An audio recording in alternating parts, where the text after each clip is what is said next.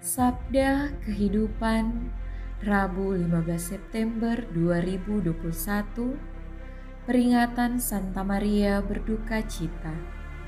Yohanes pasal 19 ayat 25 sampai 27 Dekat salib Yesus berdiri ibunya dan saudara ibunya Maria istri Kleopas dan Maria Magdalena. Ketika Yesus melihat ibunya dan murid yang dikasihinya di sampingnya, berkatalah ia kepada ibunya, "Ibu, inilah anakmu."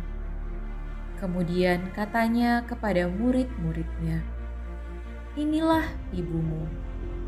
Dan sejak saat itu, murid itu menerima dia di dalam rumahnya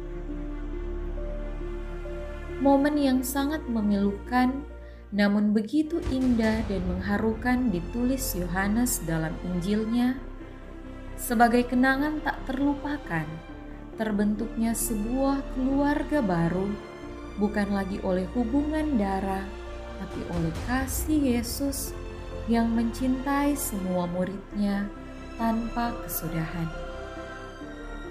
Sekalipun menahan derita tak terperikan, Yesus menyempatkan menganugerahkan ibunya menjadi ibu murid-murid kesayangannya kita semua.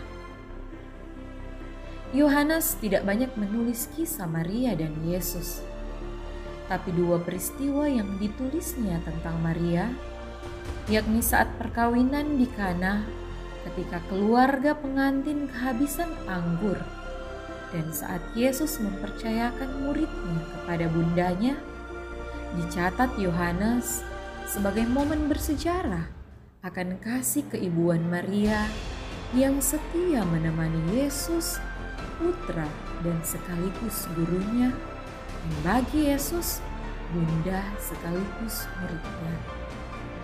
Yesus sungguh tahu kepada siapa ia mempercayakan murid-muridnya untuk ditemani, didoakan, dikuatkan, dipeluk, dan dikasihi sampai akhir hidup.